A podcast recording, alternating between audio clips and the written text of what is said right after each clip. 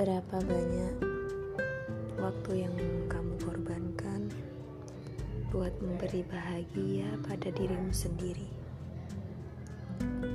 Saat kamu sedih, saat kamu bahagia, sudahkah kamu bersyukur untuk itu semua? Kadangkala kita lupa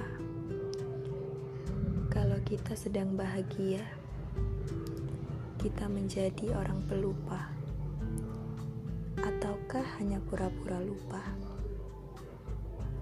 Bahwa yang memberi bahagia menunggu kata terima kasih dari kita? Sama halnya seperti ketika kita sedih, kita datang meminta, kita meminta tanpa jeda bahkan kadangkala memaksa. Itu sebenarnya tidak adil untuk Sang Maha Pemberi bahagia.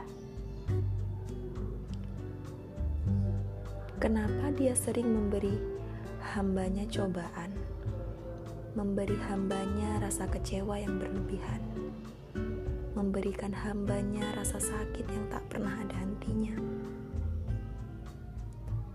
Memberi hambanya kecewa yang di mana-mana.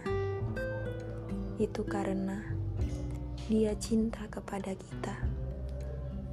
Dia ingin kita datang setiap hari padanya. Dia ingin dipuji setiap hari. Dia ingin disebut namanya di setiap detik, bahkan di setiap deru nafas kita.